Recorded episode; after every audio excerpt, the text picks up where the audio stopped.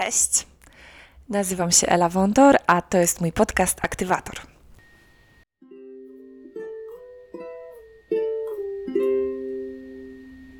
Cześć, e, dobrze się znowu z Wami słyszeć. E, a dzisiaj swoją naukową historię w aktywatorze opowie nam Ewelina Stefaniak, a w zasadzie doktor Ewelina Stefaniak, bo całkiem niedawno Ewelina obroniła swoją pracę doktorską e, w Instytucie Biochemii i Biofizyki PANU w Warszawie. I podczas doktoratu Ewelina napisała kilkanaście publikacji naukowych, była też laureatką wielu konkursów na projekty i stypendia, w tym bardzo prestiżowego stypendium Marie Curie. Dzięki temu stypendium Ewelina najbliższy czas spędzi na postdoku w Londynie, o czym na pewno nam opowie. E, cześć Ewelina, bardzo się cieszę, że przyjęłaś moje zaproszenie. Cześć, cześć. W ogóle jaki, jaki piękny wstęp. Dzięki bardzo. W ogóle super pomysł na podcast, tak jak już Ci wcześniej powiedziałam witam się tutaj ze wszystkimi. Ty już w zasadzie powiedziałaś y, to, co ja chyba chciałam powiedzieć na początku, czyli w ogóle y, co ja tu robię i kim jestem. Y, no ale fajnie, fajnie. Dzięki za zaproszenie. No tak, tradycyjnie właśnie chciałabym, żebyśmy zaczęły od takiej Twojej historii, e, trochę może bardziej szczegółowej e, niż to moje wprowadzenie. E, jak to się zaczęło i jak to się stało, że jesteś teraz w tym miejscu, w którym jesteś w swoim życiu?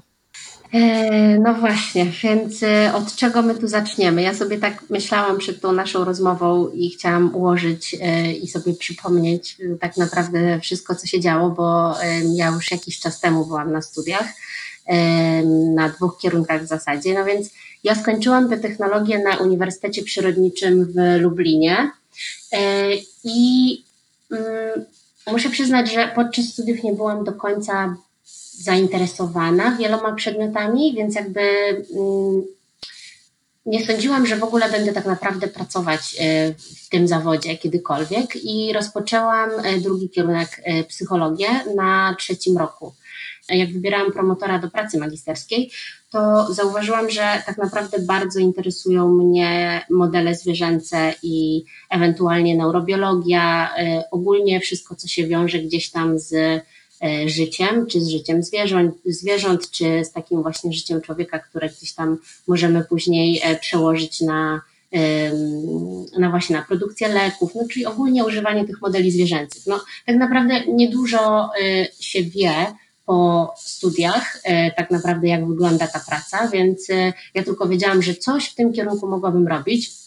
No i też pracę moją magisterską E, zrobiłam na Wydziale Weterynarii e, i e, badałam takie wpływ, wpływ w zasadzie takich leków niesteroidowych na właściwości biochemiczne krwi i e, podczas jeszcze tej e, właśnie pracy magisterskiej brałam też udział w różnych na przykład badaniach organizowanych, e, a tak naprawdę zleconych mojej pani promotor z weterynarii, takich jak właśnie testowanie leków na kotach. I pamiętam, że ja to strasznie przeżywałam, że ja byłam taka nastawiona, że okej, okay, to ja będę na tych modelach zwierzęcych może pracowała po tej biotechnologii, no jednak te badania uświadamiały mi, że no jednak jest to dość ciężkie, tak, bo patrząc na tych weterynarzy, którzy gdzieś tam sobie super radzili e, z tymi zwierzętami i widziałam, że oni tak naprawdę się ich nie boją, nie boją się, że gdzieś tam to te zwierzęta boli, że nie, nie, nie mają aż takiej wielkiej empatii i współczucia może jaką ja miałam, a może nawet nie empatii i współczucia, tylko po prostu się nie bali. Wiesz, ja się, ja się strasznie tego bałam. E, no ale jakoś sobie poradziłam. E, no i wtedy już też studiowałam tą psychologię, czyli byłam na drugim roku.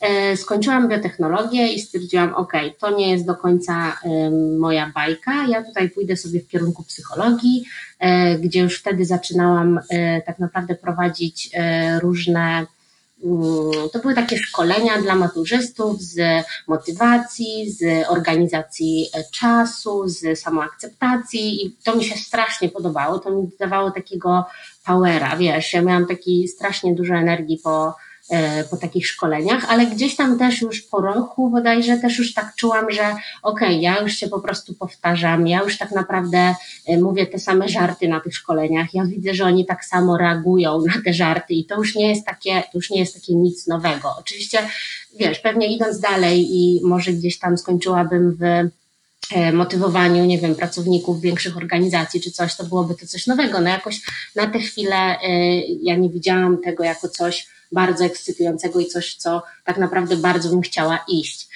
Wtedy sobie pomyślałam, zanim skończyłam psychologię, że dobra, jeszcze dam ostatnią szansę tej biotechnologii, może jednak coś e, właśnie w badaniach, tak, że, że ogólnie ja nie mogę tak pogrzewać tego pomysłu, że ja muszę spróbować tak naprawdę jeszcze raz gdzieś w jakimś innym instytucie, w innym ośrodku, może inne podejście mają, może to jest, wiesz, wszystko się inaczej odbywa i może ja sobie po prostu super dam radę. No i tak z tego Lublina y, przeniosłam się do Warszawy, zorganizowałam sobie most na psychologii, na mm, rok bodajże, na UW e, i dzięki temu też mogłam, e, zaplanowałam sobie, że po prostu będę chodziła do instytutów jako wolontariusz, tak, czyli będę się przypatrywać, będę się uczyć, a dzięki temu tutaj będę kończyła też psychologię w Warszawie. No i tak sobie to zaplanowałam i znalazłam Instytut Nęckiego, to jest Instytut Biologii Doświadczalnej w Warszawie, E, I oni właśnie mają tam taki zakład neurobiologii. Mi się bardzo podobały te ich wszystkie badania. No oczywiście minusem było to, że pracują na e, szczurach, czyli ten model zwierzęcy, no ale stwierdziłam, że dobra, trzeba spróbować, bo bardzo mi się podobał projekt, do którego akurat też e, oni gdzieś tam poszukiwali wolontariuszy. Co prawda e, oni już mieli wszystkich studentów, ale jak gdzieś tam, e, wiesz, tak naprawdę drzwiami to, czyli mailami mi gdzieś tam odmawiali, więc ja stwierdziłam, że się tam wybiorę, ja po prostu osobiście porozmawiam i zobaczymy. I porozmawiałam, okazało się, że mogę przychodzić, więc zostałam tak naprawdę przyjęta jako taki stażysta, wolontariusz. No i przyszła e, niestety pierwsza tura e, szczurów, których, które zamówiliśmy do projektu. No i oczywiście pierwsze co, to my mamy je oswoić, tak? No bo żeby w ogóle prowadzić na nich badania, no to trzeba szczury oswoić. E, no, proces oswajania wyglądał tak, że trzeba je brać na ręce, dotykać, głaskać, mówić i w ogóle. I tak naprawdę ja nie wiem, kto kogo tam oswajał, bo czy ja te szczury, czy one mnie. Ja byłam tak zestresowana tym. Oczywiście wszystko robiłam, co trzeba, ale wewnętrznie miałam takie, taki strach, taki niepokój, że ja się ich po prostu bałam, wiesz. One też nas gryzły tak naprawdę. To, to nie było jakieś super e, przyjemne doświadczenie. Um, wytrzymałam jakieś dwa miesiące bodajże i um, i pamiętam, że pod koniec tych dwóch miesięcy, no to w końcu ja dostałam to, co chciałam, czyli ja w końcu dostałam w ręce ten mózg szczurzy, który okazał mi się tak swoją drogą strasznie duży, jak na takiego małego szczurka, no ale wiemy, że szczury jednak to są bardzo rozwinięte zwierzęta.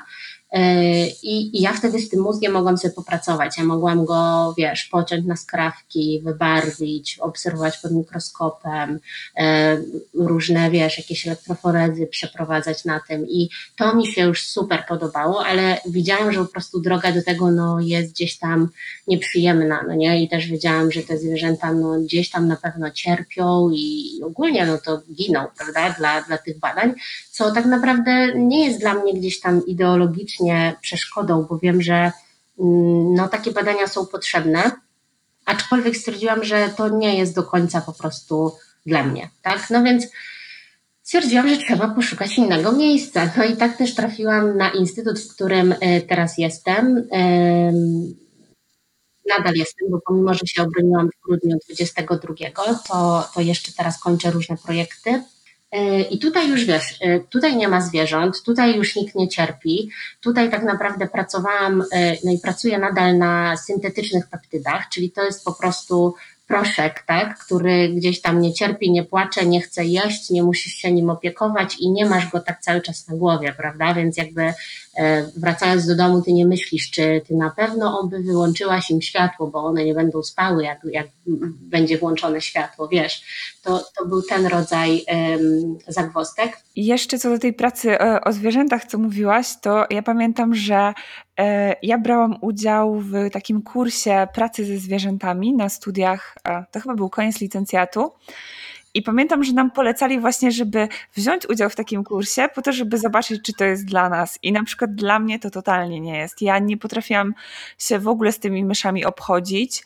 E, ja się stresowałam bardziej niż te myszy zdecydowanie. E, więc wydaje mi się, że to jest naprawdę ważne, żeby próbować takich rzeczy, zanim się wkopiemy w jakiś projekt na kilka lat. Tak, zdecydowanie.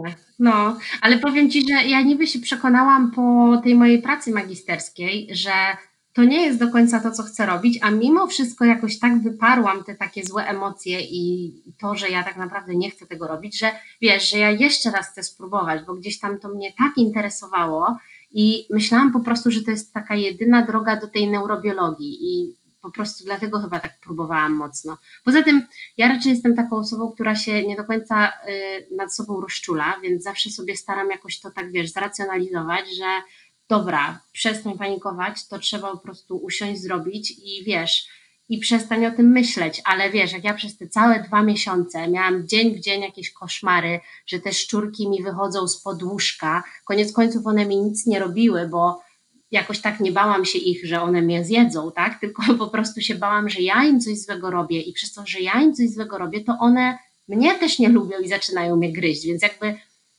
więc jakby to było coś takiego. No poza tym też ja widziałam, że one gdzieś tam też się kaleczą przy tym naszym oswajaniu, bo gdzieś tam za mocno zadrapią fartuch i na fartuchu na przykład zostaje mi, wiesz, jakaś kropla ich krwi, a później biorę drugiego szczurka na ręce i on już czuje te krople krwi tego swojego wcześniejszego i on sobie już myśli, co tu się w ogóle działo, więc on już zaczyna fiksować wcześniej.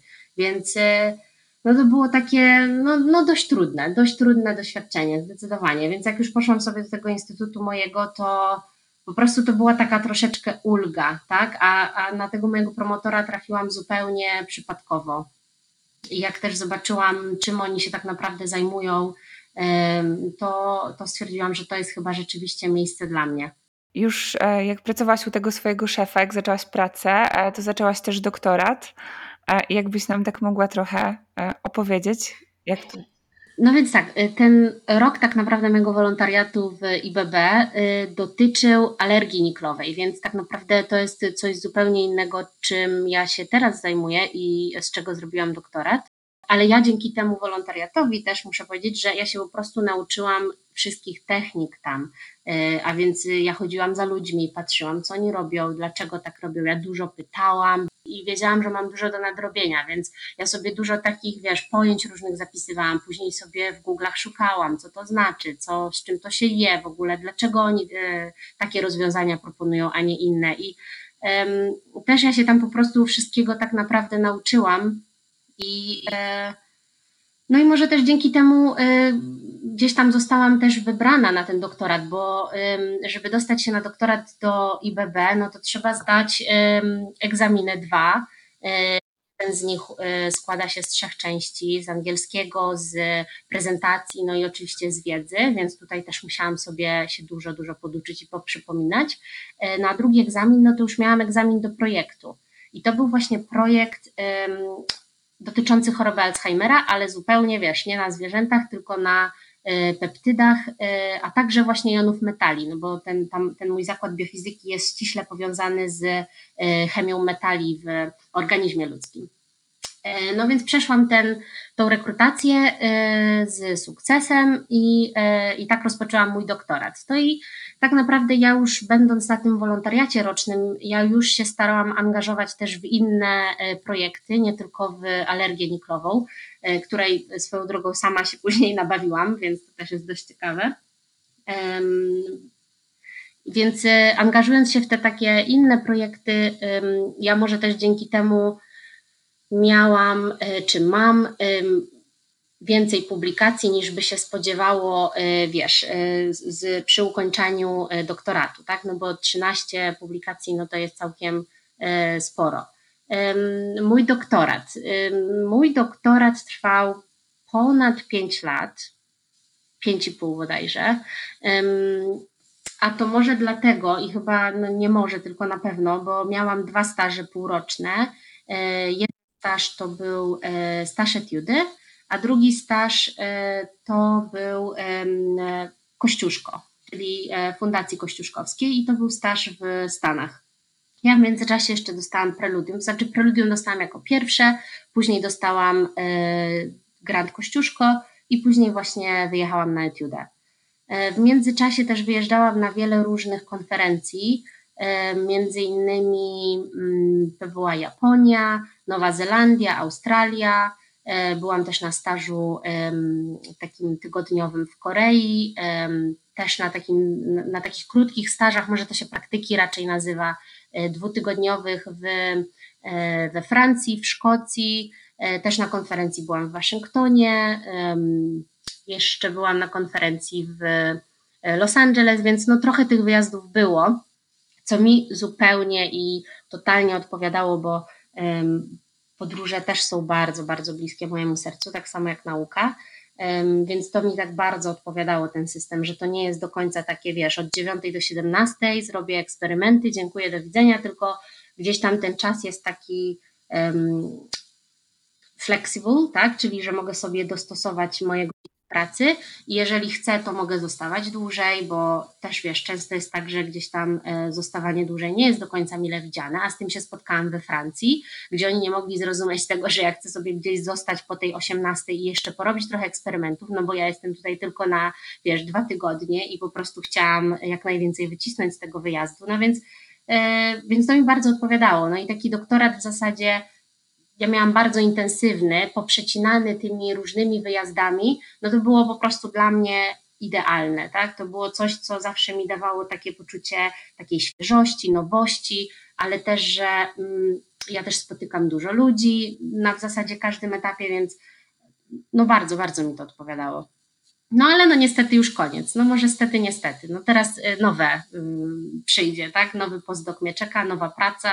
Może nie nowi ludzie, bo w zasadzie mój postdoc będzie odbywał się w Imperial College w Londynie, czyli tam, gdzie byłam na etiudzie, więc to nie jest do końca coś bardzo nowego, ale na pewno nowe ze względu na to, że jest to tylko i wyłącznie mój projekt i, i, nie mam już nad sobą tak naprawdę do końca promotora, tak? czyli jestem raczej takim niezależnym naukowcem.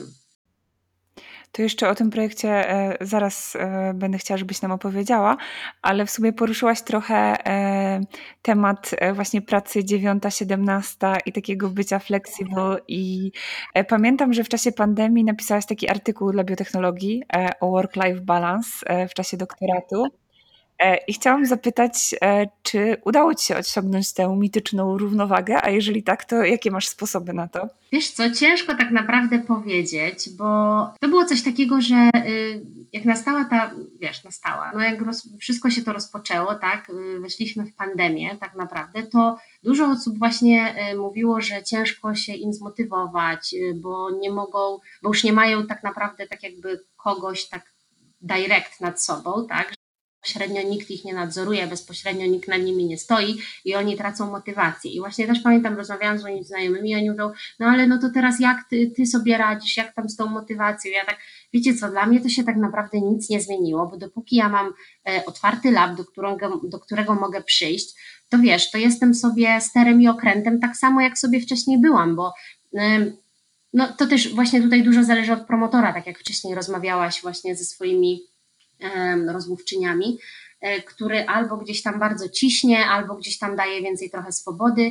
I myślę, że mój promotor, jak zobaczył, że mm, ja dużo lepiej pracuję na takiej motywacji pozytywnej, a nie negatywnej, czyli takie wiesz, przyciskanie mnie i motywowanie tak negatywnie w stylu, wiesz, zrób to, bo coś tam, albo czemu tego jeszcze nie robisz, mi to totalnie nic nie daje. Ja się od razu wtedy odsuwam i mi się nie chce z taką osobą w ogóle, y, wiesz, współpracować. A jak ja mam takie, taką pozytywną motywację i ten mój promotor, on zazwyczaj od, on w zasadzie od początku taki był, że w zasadzie tak na pozytywie, tak? Czyli dobra, zrobimy to, zobacz jaki będzie, wiesz, fajny outcome, jaka publikacja fajna wyjdzie, że, że to się przyczyni dalej do kolejnych badań i ja widziałam takie big picture tego wszystkiego i mi się po prostu chciało, tak?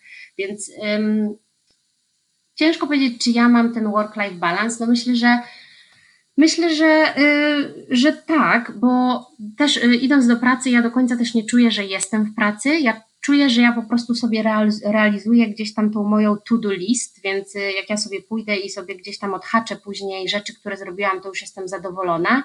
Wieczorami często na doktoracie gdzieś tam doczytywałam jeszcze artykuły, czy pisałam publikacje, więc no to tak wygląda. Później już się starałam nie, no bo wiadomo, że, że to nie jest do końca zdrowe. No i wiesz, no gdzieś tam te wyjazdy mi, mi się wydaje, że, że pomagały mi ten work-life balance zachować. Czyli ja wiedziałam, że w zasadzie też mój doktorat trochę bazował na takich deadline'ach. Ja zawsze miałam na coś deadline. I teraz na przykład jest takie mam takie dość dziwne uczucie, że ja nie mam żadnego deadline'u. Ja zawsze miałam deadline albo na wysłanie posteru, albo na zaaplikowanie, wiesz, na konferencję, albo y, aplikacja o granty, albo jakieś złożenie jakiegoś raportu. Zawsze ja wiedziałam, tu jest deadline ja w zasadzie na deadline'ach jechałam, więc ja wiedziałam, że na przykład muszę docisnąć teraz te 2-3 tygodnie i to nieważne, czy trzeba dzień i noc, po prostu dociskam teraz, a zaraz jadę na super konferencję na tydzień. Ja się spotkam z moimi znajomymi z Ameryki, z Francji, ze Szkocji, których gdzieś tam sobie nazbierałam przez y, ten mój doktorat. Ja się po prostu tego nie mogłam doczekać. Ja wiedziałam, że że na tych konferencjach to jest to moje takie, wiesz, y, trochę pracy, ale też i taki odpoczynek, że ja w końcu mogę sobie porozmawiać na ludzie z ludźmi, którzy robią podobne rzeczy do mnie i to było takie, takie fajne. No myślę, że mm, ten work-life balance jeszcze dużo e, przekłada się też na związki, tak? No bo to jest jednak to życie prywatne. Ja miałam o tyle dobrze i niedobrze, no oczywiście dużo bardziej niedobrze, że jestem um, w związku z osobą nie z Polski i e, z Londynu, tak? E, My byliśmy na odległość, e, jakieś 4 lata bodajże. To było tak, że my często do siebie jeździliśmy e, na weekendy, czy właśnie on przyjeżdżał do mnie e, raz na trzy tygodnie, czy ja jechałam do niego, do Brukseli, czy do Londynu, zależy gdzie, gdzie wtedy pracował. I to też było fajne, że ja wiedziałam też znowu, że tak, dwa tygodnie, dobra, ja muszę teraz skupić się na sobie, popracować, ale jak spędzamy weekend razem, to jest razem, to jest taki totalnie jakościowy dla nas czas, my wtedy wiesz, nie skrolujemy w telefonach, nie, ja nie siedzę, nie nadrabiam jakichś publikacji i on też. I e, po tym weekendzie zawsze się czułam taka, wiesz, naładowana, że chce mi się więcej, dobra, to teraz ja znowu wracam do siebie i, i, i robię to, co jakby sobie gdzieś tam e, w tej karierze założyłam, tak? Więc dla mnie to był tak naprawdę bardzo fajny czas, bo mogłam tak naprawdę zbalansować i to w miarę życie prywatne, któremu e, nie poświęcałam może aż tyle czasu, czy właśnie a propos tej drugiej osoby, tak? Nie poświęcałam jej tyle czasu, co może poświęcają normalnie osoby będące w normalnych związkach, ale dla mnie to było wtedy wystarczająco, bo ja wtedy byłam tak na sobie skupiona i w sumie też no trochę nadal jestem, no może teraz troszkę mniej, tak? Ale byłam po prostu zadowolona z tego, że ja mam czas na siebie, ja mam czas na to, żeby się rozwijać Myślę, że, że ten work-life balance jest dużo łatwiej osiągnąć, jeżeli ma się dookoła um, fajnych ludzi. Te osoby, które się poznaje z dziedziny, z nauki, na konferencjach, na stażach, ty widzisz, że wy macie te same problemy i, i wiesz, i możecie tak relate, tak? Czyli ja rozumiem, co ty czujesz, jak, jeżeli puszczasz kolejny eksperyment i on ci nie wychodzi. Ja mam takie dwie refleksje po tym, co powiedziałaś. E, jedno to właśnie na temat ludzi, których poznajemy ze swojej branży. Myślę, że masz bardzo dużo racji i że też z tego się rodzą takie e, bardzo fajne przyjaźnie. Szczególnie jeżeli spędza się z kimś, e, tak jak rozmawiałyśmy nawet przed nagraniem, że bardzo często jest tak, że jeśli wyjeżdżamy na jakiś dłuższy wyjazd, e, no to jedynych ludzi, których e, poznajemy, tak lepiej to są ludzie właśnie z pracy. I ja na przykład tak miałam, że trafiła mi się bardzo fajna ekipa na moim wyjeździe na Erasmusa, na Erasmusa do Berlina i mamy taką grupę na WhatsAppie, e, w której sobie tam e, rozmawiamy e, na różne tematy. A te grupy na WhatsAppie, ja też po każdym wyjeździe mam taką. Tak. A druga taka refleksja to to, co powiedziałaś na temat tego, że na doktoracie znaczy, że jesteś e, trochę skoncentrowana na sobie. E, I wydaje mi się, że właśnie taki zdrowy egoizm też jest bardzo ważny e, na doktoracie, no bo trochę, trochę jesteśmy jednak takim. Ja się zawsze śmieję, że doktorat to jest takie trochę zarządzanie jednoosobową firmą. I, I wszystko, co robimy, no to tak naprawdę musi być trochę powiązane i też jakoś uzasadnione. E, więc wydaje mi się, że, że warto też e, trochę takiego zdrowego egoizmu e, mieć w sobie. Tak, tak. I wiem, że to często to średnio brzmi, bo wiesz, egoizm jest gdzieś tam nacechowany dość negatywnie. Ale wydaje mi się, że a propos doktoratu, gdzie to jest tak naprawdę praca, ale wciąż studia, gdzie to jest taki prawie że freelancing, no nie, no bo twój promotor, przynajmniej mój, on do końca nie jest takim moim szefem, że on bierze odpowiedzialność za to, co ja robię.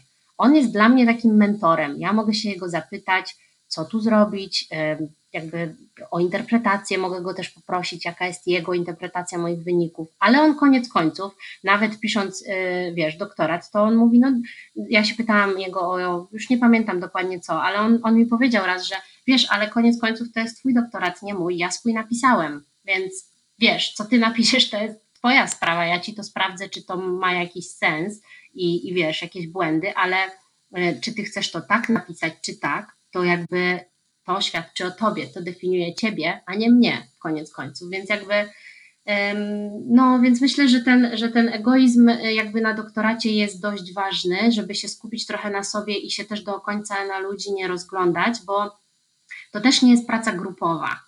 To jest praca bardzo indywidualna. I myślę, że tutaj, wiesz, ty też masz swoje doświadczenia, że gdzieś tam na różnych wyjazdach było ci albo fajnie, albo nie fajnie, tak? I ja też innymi osobami rozmawiałam i oni też zawsze mówią, że a tutaj to nie fajnie, nikt mnie tam nie lubił i w ogóle. I powiem Ci, że mm, ja tak miałam na początku y, we Francji, przez jakieś tam pierwsze dni czułam, że oj, chyba tutaj w ogóle nie przynależę.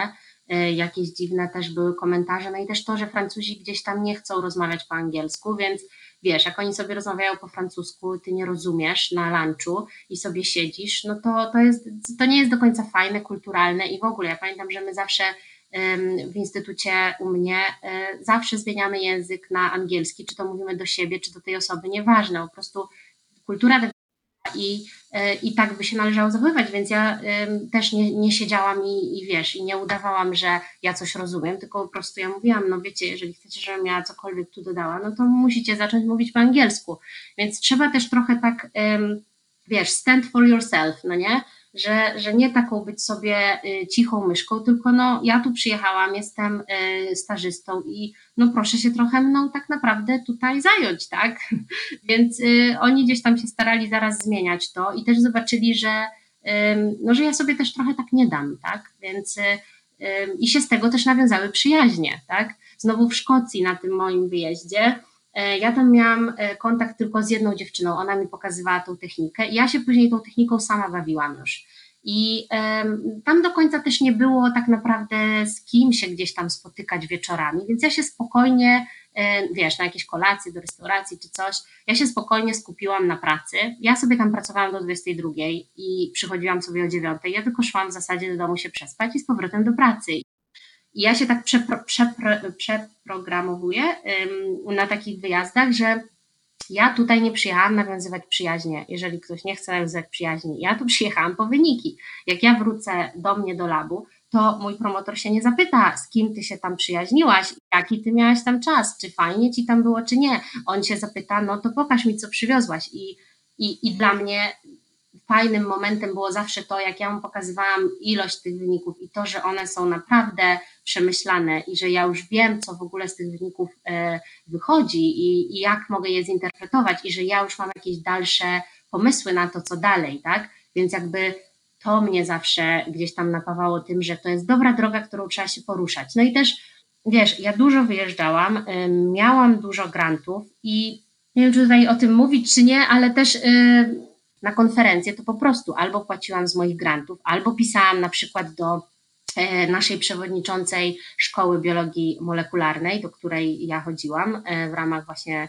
doktoratu. I pisałam, że wiesz, jest mi potrzebne dofinansowanie tej konferencji i pisałam, jak dla mnie ważna jest ta konferencja, że ja tak tam chcę pojechać, ja tam muszę być, ja już tam prawie jestem, tylko nie mam tych pieniędzy, żeby tam wyjechać, więc wiesz, ja pisałam wniosek do niej, ona mi udzielała jakiegoś wsparcia, ona mi e, pisała i ogólnie wszyscy tak mogą robić. Ja się dopiero o tym dowiedziałam na jakimś drugim czy trzecim roku, no na drugim chyba, więc zaczęłam non-stop pisać o jakieś dofinansowanie, czy to właśnie do niej, czy w ogóle do organizatorów na przykład konferencji, no bo konferencje to nie jest, y, to nie jest tania przygoda, to jest wiesz, jakieś 550 euro na przykład y, za samo wejście, sobie, wiesz, zapewnić hotel, e, zapewnić sobie loty, więc no to, to jest tak naprawdę sporo pieniędzy, więc jeżeli moja na przykład dyrektorka mojej szkoły dała mi na loty i ona powiedziała, dobra, ja mogę ze szkoły biologii z funduszu tyle ci dofinansować, bo oni mają taki fundusz, że mogą e, dofinansowywać takie wyjazdy. No więc ja dobra, no to teraz muszę skombinować na nocleg i muszę skombinować na wejście. Więc e, wiesz, e, szukam jakichś możliwości, piszę do organizatorów konferencji, czy na przykład dofinansowują młodych naukowców, czyli studentów. Oni mówią, tak, oczywiście, my zawsze dofinansowujemy, my mamy bardzo dużo zgłoszeń. Ja mówię, no to ja bym była szczęśliwa, gdybym ja też takie dofinansowanie dostała. Więc wiesz, to jest, to jest coś takiego, że trzeba sobie szukać dróg. No tak, ale to właśnie, właśnie to też chodzi o ten egoizm i o to, że E, nikt tego za nas nie zrobi, jeżeli my nie będziemy stawiać e, siebie na tym pierwszym miejscu i my sobie e, nie znajdziemy jakiejś drogi albo okna, przez które można wejść, E, no to nie, nie, dostaniemy, to już nie jest ten etap, że dostajemy tutaj e, wszystko na tacy i możemy się łaskawie zgodzić, żeby gdzieś pojechać. Dokładnie, dokładnie. I ja też zawsze mówię, ja też bardzo chętnie wszystkim pomagam i czytam właśnie sporo osób do mnie pisze na Instagramie, a jak dostałaś ten grant, a jak dostałaś ten, bo gdzieś tam w internecie są e, wiadomości na ten temat. I ja bardzo chętnie wszystkim pomogę. To samo wiesz, moim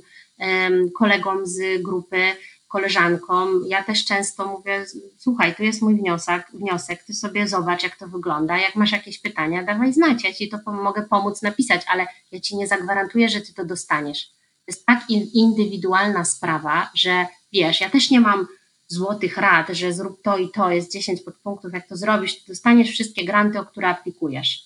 Wiesz, jak to jest, no nie? To jest często loteria, tak? Czy przekonasz recenzentów do siebie, czy nie. I no i myślę, że, że, że to jest też ważne, tak? Ten egoizm jednak jest troszeczkę ważny, tak? Bardzo odnajduję siebie e, w tym, co mówisz e, i jakieś tam moje przemyślenia i doświadczenia e, z, mojej ścieżki, ale też to, co mówisz, to wydaje mi się, że bardzo ważna jest inicjatywa. I mówisz na przykład, że masz, masz więcej publikacji niż by wypadało mieć, może tak to ja trochę też jestem na takiej drodze, bo, bo wpadają mi jeszcze publikacje z jakichś dodatkowych projektów, które w ogóle nie są związane z moim doktoratem. E, I wydaje mi się, że właśnie wynika to z tego, że zawsze próbowałam coś zaproponować, albo zawsze się chciałam we wszystko angażować, w co tylko było możne, i że to też jest taki trochę złoty środek, żeby e, odnaleźć e, coś, co nam się podoba. I też złoty środek na to, że może nawet jak nasz ten główny projekt nie wyjdzie, to wyjdzie coś innego. Właśnie, tak, dokładnie. To jest bardzo ważne. I myślę, że inicjatywa jest ważna, no i taka proaktywność, tak? Że nawet jeżeli coś to jest zawsze lepiej próbować i czy tam szukać sobie różnych ścieżek, niż po prostu siedzieć i myśleć i się martwić i w ogóle.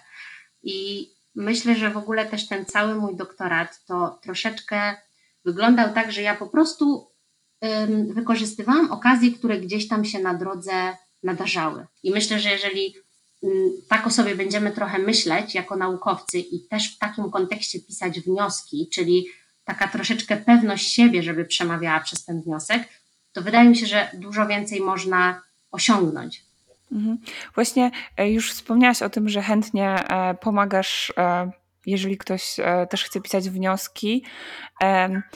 Już rozmawiałam chyba dwa odcinki temu z Agatą e, na temat pisania, e, tak ogólnie. E, I w sumie był bardzo fajny feedback tego odcinka i dużo sugestii o tym, żeby porozmawiać też o bardziej takim pisaniu merytorycznym, na przykład pisaniu wniosków. I pamiętam, że jak ja pisałam preludium, to bardzo dużą pomocą było dla mnie to, że właśnie ktoś dał mi swoje wnioski, że mogłam zobaczyć, jak to wygląda. E, i że dostawałam feedback, e, więc myślę, że fajnie by było, jakbyśmy trochę poopowiadały e, tutaj o tym, jak to nasze pisanie wyglądało. No właśnie, więc myślę, że od czego w ogóle tu zacząć, tak?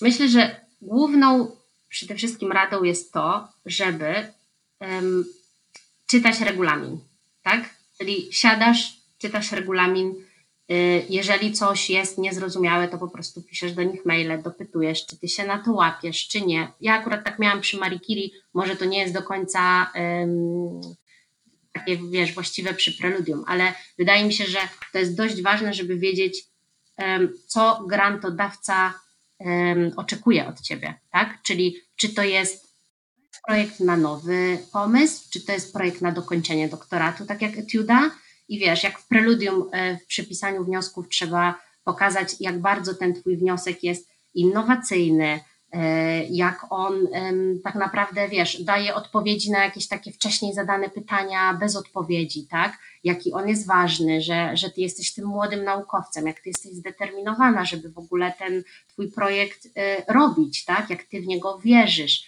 Tak właśnie a propos etiudy, pisze się raczej to trochę w zupełnie innym kontekście, w stylu, że ty bez tego grantu nie dokończysz doktoratu, tak? Jakby to jest główny wydźwięk. I ty jakby musisz pisać, że ja muszę wyjechać, ja muszę wyjechać do tego i tego miejsca, tak jak ja pisałam, że muszę wyjechać do Imperialu. Dlaczego? Bo ja bez tego w ogóle nie będę mogła dokończyć mojej rozprawy, że moja rozprawa jakaś tam będzie, ale ona nie będzie do końca taka, jak, jak ja bym chciała, żeby była, że, że jakby to oddziaływanie muszę zbadać i ja mogę to zbadać tylko i wyłącznie tam. Wiesz o co chodzi? I, e, i, i bez tego wyjazdu ja jakby sobie kompletnie nie poradzę, więc to jest, to jest dość ważne, żeby wiedzieć tak naprawdę, co grantodawca od nas oczekuje, tak? czyli w jakim jakby nurcie, w jakim, no może nie nurcie, no jakby o co chodzi w tym grancie, tak? czyli, czyli dokładnie regulamin, po co ten grant jest. Co więcej, um, myślę, że trzeba też bardzo pokazywać te swoje tak naprawdę poglądy naukowe, żeby one bazowały na takiej najnowszej wiedzy, tak? Czyli nie cytujemy jakichś takich starych bardzo publikacji, wiesz, z 1980 któryś, tak? Jeżeli składamy w tym roku e, wniosek, to cytujemy 2020 i, i wiesz, i do jakiegoś tam 2000 powiedzmy, czyli, czyli żeby, żeby, żeby to wyglądało, że to bazuje na najnowszej wiedzy, tak? I też ważne i co ja na przykład bardzo lubię y, pisać we wnioskach, że ten mój wniosek jest taką też trochę dyskusją, bo w każdym tak naprawdę, y, wiesz, poglądzie naukowym są osoby, które mówią coś tam za i są osoby, które mówią coś tam przeciw. I teraz jakby ty mówiąc tylko, że wiesz, że to, że jesteś za, y, jakby za tym, co robisz i w ogóle nie mówisz nic, negujesz totalnie to, że, że nie ma nikogo, kto jest przeciw, jest tak jakby, jakbyś była sobie w jakiejś bańce, tak? A twój recenzent może doskonale wiedzieć, że jest grupa ludzi, którzy uważają, że to, co ty robisz, jest totalnie bez sensu, tak? I, i ty jakby w swoim wniosku grantowym powinnaś pokazać taką polemikę, taką dyskusję, że okej, okay, ja wiem, że są ci, ci przeciw, ale ja mam takie i takie argumenty za. Czyli wiesz o co chodzi. I ty oczywiście pokazujesz, jakie oni mają argumenty, ale ty zaraz pokazujesz, jakie ty masz argumenty, wiesz, za tym swoim wnioskiem. Więc taka rozmowa, recenzent jest zainteresowany Twoim wnioskiem, bo on widzi, że Ty myślisz, jakby to powiedzieć, że Ty myślisz, że Ty wiesz, że są i za i przeciw, ale Ty bardzo chętnie się skonfrontujesz, tak? Czyli Ty myślisz tak rzeczowo. To jest też takie trochę, e, trochę analiza ryzyka, bo też e, można to odnieść do tego, że czasem chcemy zrobić coś, co ma dużą szansę, że nie wyjdzie, I możemy też pokazać, że okej, okay, to może nie wyjść, i wtedy mamy takie i takie e, plany B, albo na przykład alternatywne techniki. E, I pokazujemy, że niezależnie od tak jakby efektu, no to i tak będzie to cenna wiedza. Tak, tak. To też właśnie o tym chciałam powiedzieć, więc dobrze, że to wspomniałaś. tak, czyli właśnie te takie ryzykowne rzeczy, które mogą się zdarzyć, czyli co może nie wyjść i co ty z tym zrobisz, tak? Czyli jakby oni wiedzą, że ty jesteś gotowa na to, że to może totalnie wszystko nie wyjść, ale co ty zrobisz, jak to nie wyjdzie?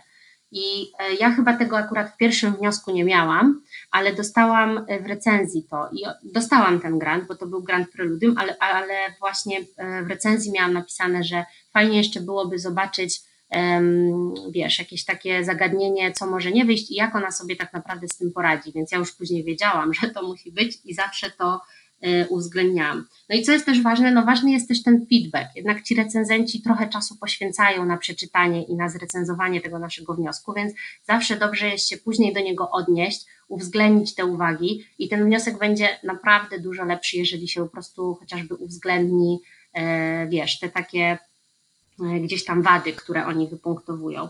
Niedawno oceniałam wnioski u mnie e, na uczelni, e, takie studenckie, i z takich rzeczy to dodałabym, że zawsze warto się dobrze sprzedać e, bo było e, sporo wniosków, w których e, właśnie ktoś wskazywał, że coś może nie wyjść i to był koniec tego zdania. Zamiast właśnie podkreślać, że, że zrobimy tak i tak i te techniki mają takie i takie zalety, dzięki czemu możemy uzyskać to i to. A drugą taką rzeczą jest to, że bardzo często możemy się też sprzedać jakimiś wynikami wstępnymi. Niekoniecznie zawsze mamy na nie pieniądze, ale można na przykład podciągnąć coś z magisterki albo z jakiegoś innego projektu, że robiliśmy coś podobnego i że to nam może pomóc e, w tym projekcie. Albo że właśnie na przykład ktoś robił coś podobnego gdzieś tam w innej publikacji, którą ty cytujesz i że tobie może też coś takiego wyjść, bo ty masz w zasadzie podobny układ, ale wykorzystujesz inne, powiedzmy, wiesz, odczynniki czy cokolwiek, więc to jest rzeczywiście ważne. A propos tego sprzedawania się, to jest chyba drugie słowo po egoizmie, które gdzieś tam nie jest lubiane i wiesz, tego się gdzieś tam głośno nie, nie mówi, ale ja też absolutnie to popieram i e, też nie lubię czytać wniosków, które, gdzie jest w zasadzie w każdym zdaniu jest słowo potencjalnie uzyskane wyniki, potencjalnie prawdopodobnie wpłyną na zależność potencjalną, która potencjalnie prawdopodobnie zrobi nam coś. I to jest takie halo, to czy to w ogóle ma sens, w ogóle czy jest sens to robić, czy w ogóle to ma jakikolwiek, jakiekolwiek znaczenie, to będzie miało, jak ty już zaczynasz wątpić i ty już mówisz, że to jest tak potencjalne i prawdopodobne, że w ogóle nie wiesz, czy to w ogóle jest y, jakkolwiek fizjologicznie relevantne do, wiesz, y, ludzkiego organizmu, więc ja zawsze, to jest w zasadzie jedna główna rada, którą ja zazwyczaj daję, jeżeli mogę tak na szybko tylko odpowiedzieć komuś, jeżeli muszę na szybko odpowiedzieć, to jest po prostu, żeby być pewnym tego, co się pisze. Ja na przykład pisząc wnioski, piszę, że ta, to i to oddziaływa, oddziaływanie, ja zbadam tak i tak, ono da mi odpowiedź na to i na to pytanie, co później wpłynie na to i na to. Ja nie mówię, że ono da mi, od, potencjalnie ono mi da odpowiedź na pytanie, które coś tam, coś tam i potencjalnie to się przyczyni kiedyś w przyszłości do tego. I to jest takie, za dużo jest takiego gdybania. Wiesz, albo ty się chcesz sprzedać i albo ty jesteś pewna tego, co ty robisz i, i wiesz, chcesz dostać to finansowanie, albo ty już wątpisz na etapie wniosku, więc po, dlaczego recenzent ma nie wątpić, jak ty już wątpisz? Wiesz o co chodzi? Więc y, to jest zdecydowanie takie y, dość ważne, żeby to pisać tak, jakbyś ty już to robiła, jak ty już, że ty już to w głowie robisz, tylko po prostu dajcie mi te pieniądze na to i, i ja strasznie chcę to robić, tak? A propos y, właśnie pisania samego, to też tutaj należy pamiętać i to był bardzo, bardzo mój problem, bo ja tak chciałam pisać te wnioski, wiesz, taką takimi pięknymi zdaniami, żeby to w ogóle była opowieść życia, żeby to wszystko z siebie tak wynikało, przenikało, że ktoś chce po prostu to czytać, że jak on to czyta, to on już ma, wiesz, orgazm umysłowy i on po prostu sobie myśli, jakie to jest w ogóle cudowną rzecz, jaką ja chcę badać. I ja tak strasznie chciałam pięknie pisać. I mój promotor, jak on zaczął mi obcinać te moje wszystkie zdania nadrzędnie, podrzędnie złożone z pięciu, dziesięciu zdań, gdzie ja już prawie, że gubiłam wątek po drodze, nabudowując tylko, wiesz, historię całą, jak on mi zaczął skracać do zdań pojedynczo e, złożonych, do takich krótkich zdań i on, Ewelina, to jest literatura faktu, a nie literatura piękna, tak? Się skup na tym, co ty chcesz powiedzieć, a nie rób z tego wielkiej, wiesz, opowieści, bo tobie wychodzi zawsze za dużo stron, ja się nigdy nie mogłam zmieścić, a później musiałam obcinać, wiesz, jakimiś stacjami nadrabiać, więc, e, więc też tutaj, ja też czytałam wnioski, które dostały finansowanie moich e, znajomych i ja się na przykład bardzo dziwiłam, że jest to tak prostym językiem napisane. Więc myślę, że może nie im prościej, tym lepiej, ale na pewno nie bardziej złożono, tym lepiej. Też się nie martwmy tym, że, że to musi być nie wiadomo jak napisane i nie wiadomo jak piękne. Po prostu skupmy się na tym, co my chcemy przekazać, to czego jesteśmy pewni, i, i wiesz, i, i coś w stylu, że, że to jest strasznie niezbędne i też to jest niezbędne, wiesz, dla, y, dla takiej osoby, jaką jest, jest recenzent, tak? Bo ja też pamiętam, miałam y, na przykład na rozmowie kwalifikacyjnej y, właśnie Grantu Kościuszko, y, w komisji była jedna osoba, było pięć osób i tylko jedna osoba znała się na chemii. Jedna osoba. Więc y, wiesz, ja wiedziałam o tym wcześniej, dlatego też ja przygotowałam strasznie prostacką prezentację, zupełnie na, tak, na takich kartkach. Wiesz, to nawet nie było, ja nie wyświetlałam tego, bo oni nawet nie powiedzieli, czy będzie sprzęt do wyświetlania. Więc y, już ta, ta rozmowa, y, wiesz, jakoś tam przebiegła bardzo fajnie. I oni na koniec mówią, no ale dobrze, no to teraz po co nam to, tak? A ja, no bo już nie, nie są Państwo najmłodsi, po to Wam badania nad chorobą Alzheimera, że zaraz to Państwo będą pewnie chorzy, tak? Więc to ich strasznie rozbawiło i, i e, mówią, no i właśnie takich rzeczy brakuje. Jakoś to wszystko w miarę, y, w miarę dobrze poszło. Ta rozmowa była tak przyjemna. Ja mówiłam takim po prostu prostym zrozumiałym językiem, bo też wcześniej e, wygooglałam sobie, kto będzie w komisji, czy te osoby się w ogóle znają e, na chemii, czy się znają na koordynacji, wiesz, metali, czy wiesz, czy to taka koordynacja, czy taka, czy się na spektrofotometrii znają. No zupełnie nie tylko ten jeden pan, e, właśnie profesor chemii, on się znał i on rzeczywiście zadawał mi pytania merytoryczne, tak? Ja byłam zadowolona, że on mi w końcu zadaje pytania takie, jak ja chcę usłyszeć i na jakie ja znam odpowiedź i byłam szczęśliwa, że się mogę wykazać, więc podeszłam do tego z takim um, trochę entuzjazmem. Wiesz, ta rozmowa była tak przyjemna, wszyscy się do siebie tak uśmiechaliśmy.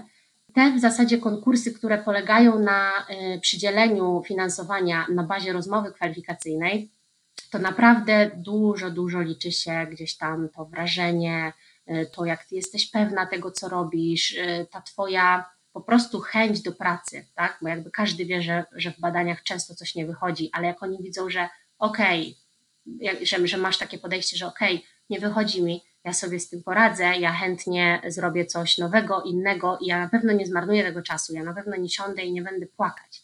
Wiesz o co chodzi, więc taki, ta proaktywność jest e, dość ważna tych właśnie e, wszelkich rozmowach kwalifikacyjnych. To są bardzo dobre rady dla wszystkich, którzy, którzy będą um, przygotować jakieś swoje wnioski.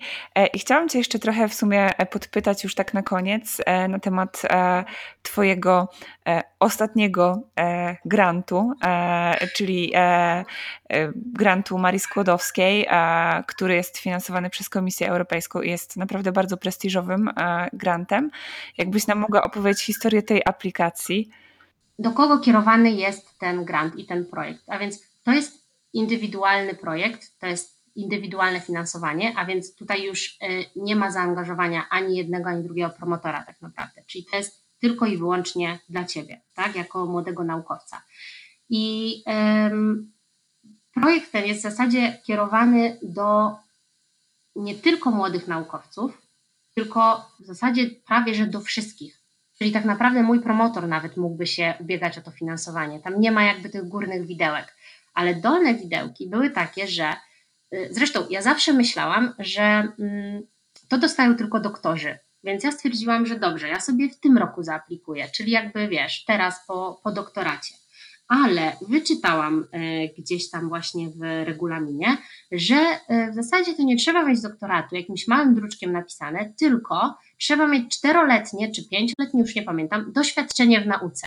Termin był we wrześniu. Ja zaczęłam się w ogóle tym interesować gdzieś koło czerwca może i to było już za późno. To już było za późno, bo to jest, to jest naprawdę kolos. To jest bardzo duży wniosek e, i trzeba pamiętać, że to jest tak naprawdę program badawczo-szkoleniowy, czyli ty proponujesz, to jest twój projekt, ty proponujesz, jakie badania chcesz przeprowadzić, e, jakie eksperymenty przeprowadzisz tam na miejscu, tak? I musi to być e, kraj nie twój, czyli nie kraj, w którym z którego pochodzisz, ani nie kraj, w którym kończysz doktorat.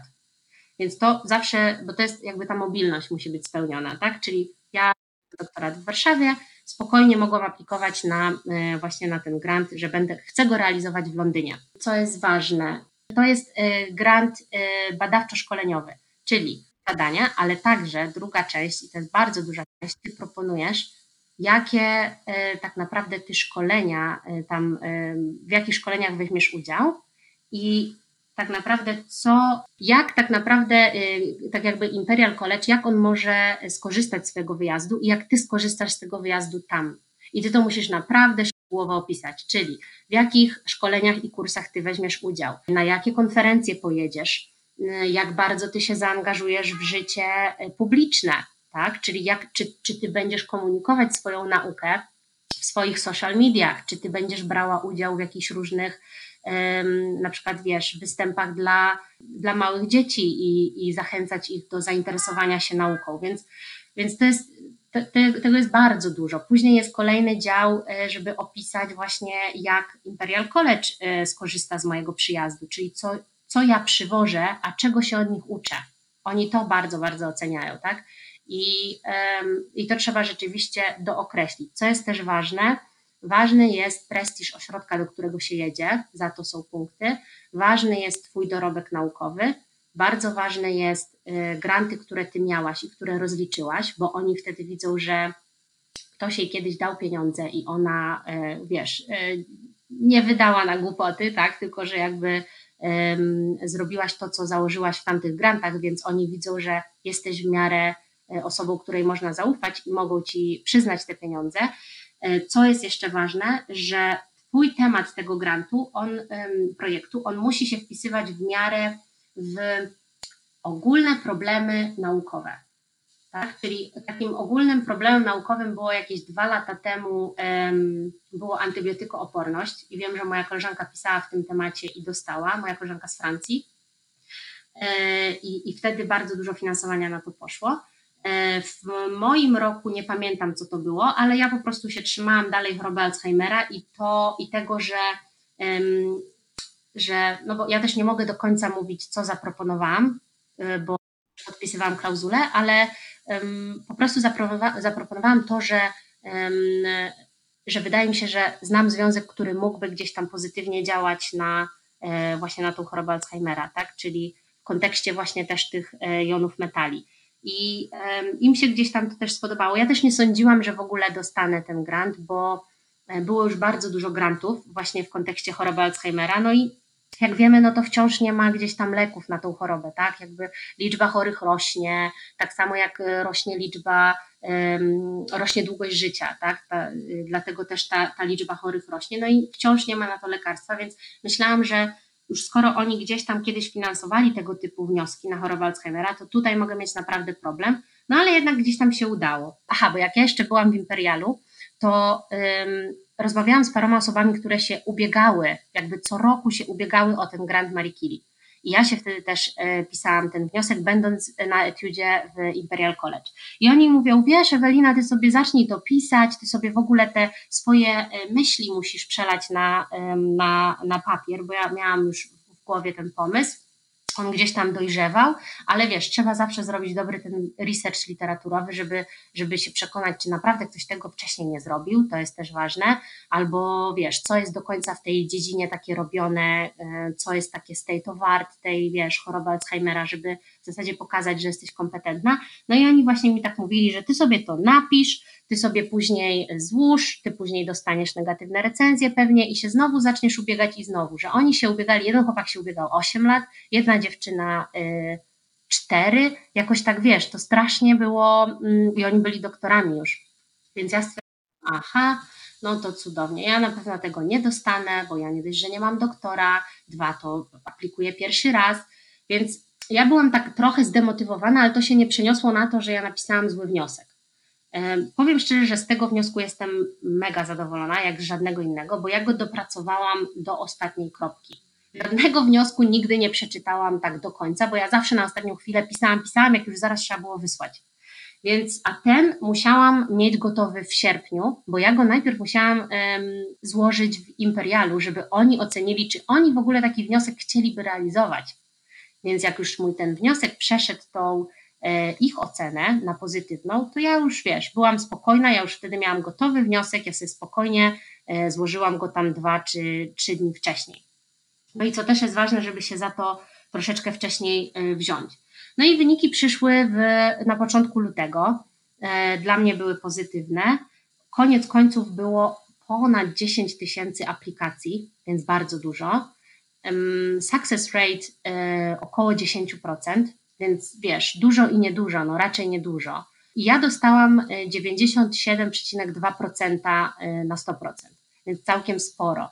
Więc bardzo się ucieszyłam. Tam w ogóle nie miałam, nie mam żadnych wad tego wniosku, więc też się e, dziwiłam, bo ja na przykład widzę takich, wiesz, parę porządnych wad, a oni gdzieś go nie wyłapali, więc stwierdziłam, aha, okej, okay, to świetnie, to, to robimy to, tak? Więc, więc myślę, że, że w, skrócie, w skrócie tak to wygląda. No, to jest zupełnie, zupełnie inny, inny wniosek niż te nasze do NCN-u, e, ten właśnie do Komisji Europejskiej, więc naprawdę fajnie jest też zobaczyć czyjś wniosek, ale nie można, nie można przesyłać sobie wniosków, więc tak jakby fajnie by było czyjś zobaczyć. E, ja widziałam jakieś skrawki, jak ta moja koleżanka pisała, bardzo dużo jest tak naprawdę tutoriali i jakichś takich pomocy naukowych. Jest też grupa na Facebooku, ludzie naprawdę się wspierają i zadają pytania i, i odpowiadają, jak do końca te wnioski pisać.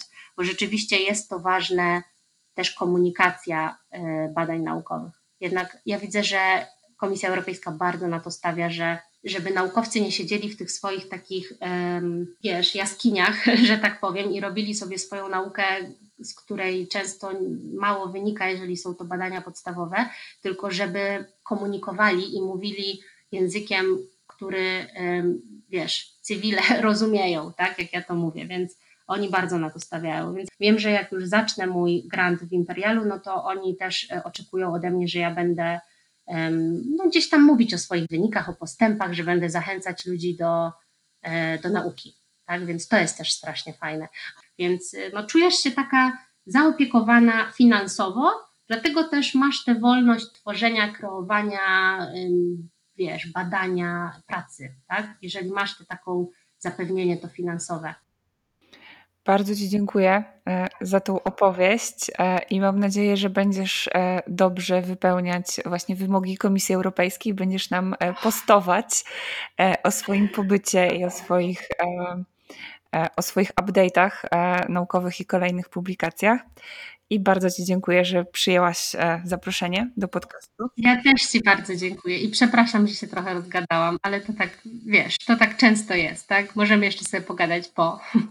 Myślę, że to było takie bardzo fajne i inspirujące rozgadanie. Także dzięki. Super, dzięki bardzo.